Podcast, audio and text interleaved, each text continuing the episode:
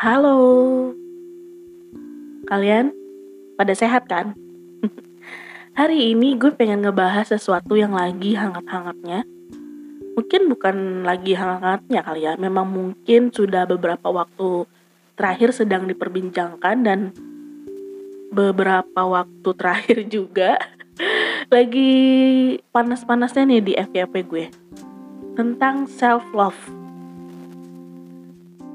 Kenapa gue mengangkat tema ini? Karena ada satu seleb TikTok ya yang ngebuat gue tuh jadi inspirasi banget buat gue gitu karena beliau mempunyai bentuk tubuh yang kalau kata orang udah kelewat dari standarnya berat badan idealnya dunia.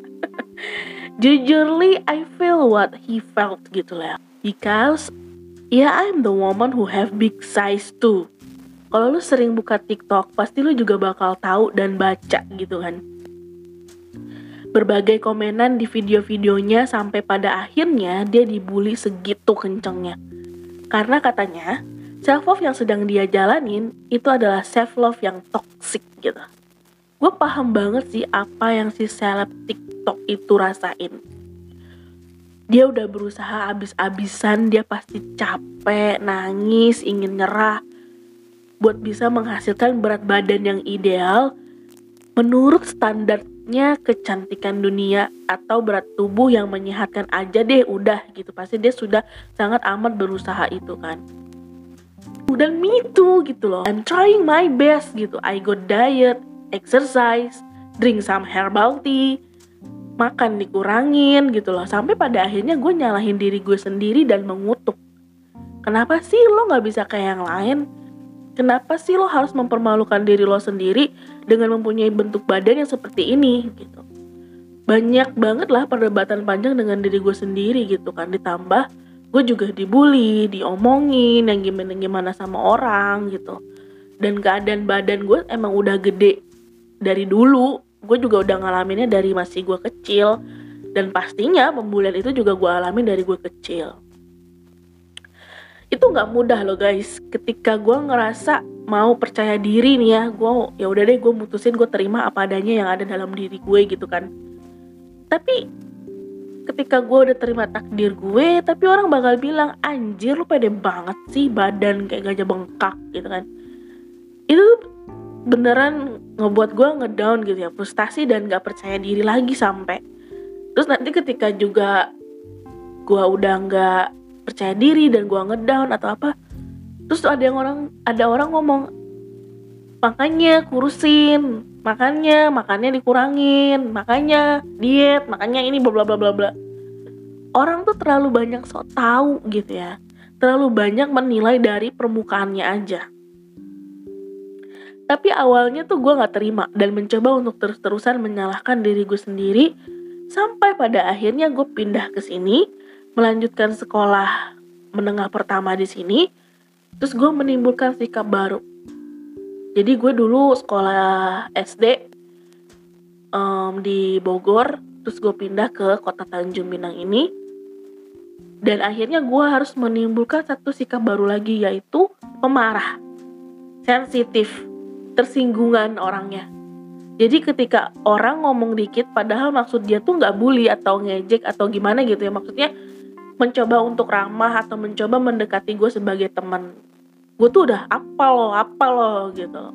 Berani lo sama gue gitu gitu yang gue lakuin itu tuh sebenarnya upaya untuk melindungi diri gue sendiri gitu kan.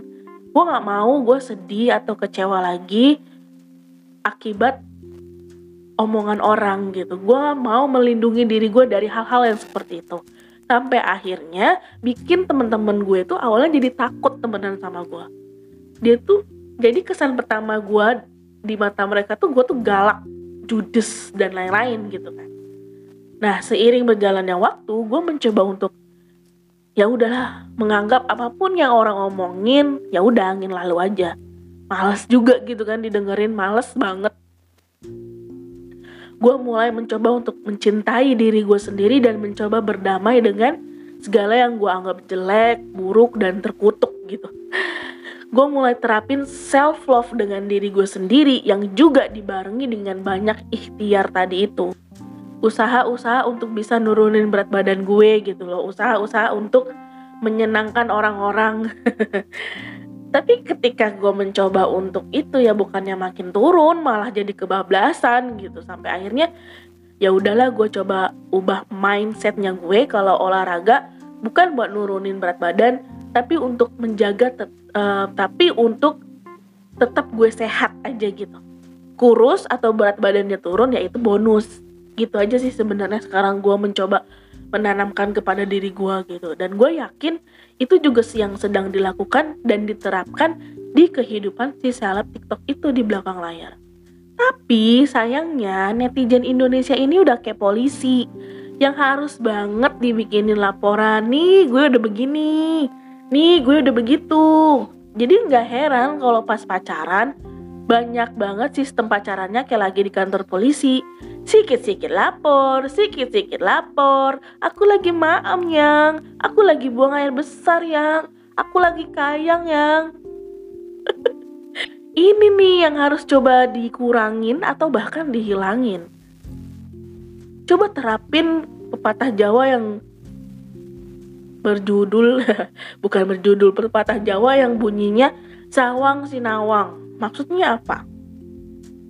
Ini pepatah Jawa yang selalu gue terapin gitu ya, bahwa coba untuk melihat lebih bijak lagi bahwa apa yang orang tampilin, apa yang orang coba perlihatkan itu nggak selalu sama seperti apa yang sedang ia sembunyikan baik di depan layar maupun di belakang layar.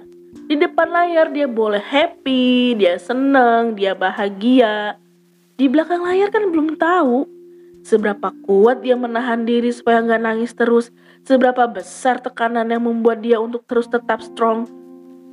Yang ditampilkan di sosial media, kalau bisa gue bilang tuh kebanyakan 80% is fake gitu, palsu. Tapi ya bukan berarti jelek juga. Kepalsuan itu ya bukan berarti sepenuhnya jelek.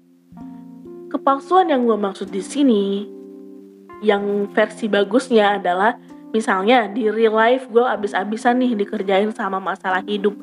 Babak belur banget dah hati dan mental. Tapi setelah mengalami kebabak beluran hidup itu, gue bisa stay strong. Gue bisa senyum lagi dan akhirnya gue memutuskan untuk ah gue pause lah. Gue lagi seneng nih gitu kan. Dengan alasan ada beberapa alasan gitu. Satu, gue pengen mengappreciate diri gue atas apa yang sudah terjadi. Nah yang kedua, gue pengen juga gitu kasih pengalaman atau bahkan pembelajaran pada banyak orang atau bahkan bisa dibilang motivasi gitu ya. Ke banyak orang bahwa hidup nggak semuanya sedih dan kecewa gitu kan. Nah itu gitu yang bagusnya. Fake yang di jalur bagus. Jadi ketika orang mencoba untuk menerapkan self love ke diri dia sendiri kenapa sih mesti harus berdasarkan standarnya kalian? Kenapa mesti mengikuti aturan kalian yang sama sekali punya latar belakang yang berbeda gitu loh. I mean gini, apa yang cocok di lu belum tentu cocok di gua. Yang mungkin lu dengan diet atau hidup sehat itu gampang dan semudah itu gitu kan. Dan akhirnya lu bisa bener-bener mencintai diri lu sesuai standarnya yang ada. Terus ketika lu ngelihat orang yang gak bisa seperti itu, lu judging dia, Alah masa gitu aja gak bisa. Gue aja begini bisa. Gue aja begitu bisa. Hey Gue sentil ginjal lo ya. Hidup kita enggak sesimpel itu guys. Mungkin hidup bagimu sesimpel itu Tapi tidak bagi orang lain. Everybody has struggle-nya masing-masing gitu. Gak bisa kita samain. Dan yang paling penting adalah Ini yang bikin kita lupa kan arti dari self love itu sendiri. Apa sih? Ya kan self love itu artinya menerima, mencintai diri, menjaga diri, mengapresiasi diri, mereward diri gitu kan. Ya udah, selama dia bahagia dengan diri dia, selama gue bahagia dengan bentuk badan gue yang nggak sesuai standar, selama gue dan dia menerapkan self love dengan diri dia dengan diri gue ya udah dukung aja. Doain gitu loh jangan dijudge. Karena kita nggak tahu seberapa lama dia beradu argumen dengan diri dia sendiri sampai akhirnya dia berada di titik penerimaan dia sekarang. Seberapa kuat dia bertarung untuk menampilkan antara frustasi atau percaya diri, ngedown atau up gitu loh. Gak ada yang namanya self love toxic tuh gak ada. Kalau lo self love tapi lo masih ngelakuin perbuatan jahat sama diri lo, ya itu bukan self love. Itu cuma lo belum bisa aja nerima diri lo dan emang lo belum sampai di titik self love itu. And you got it?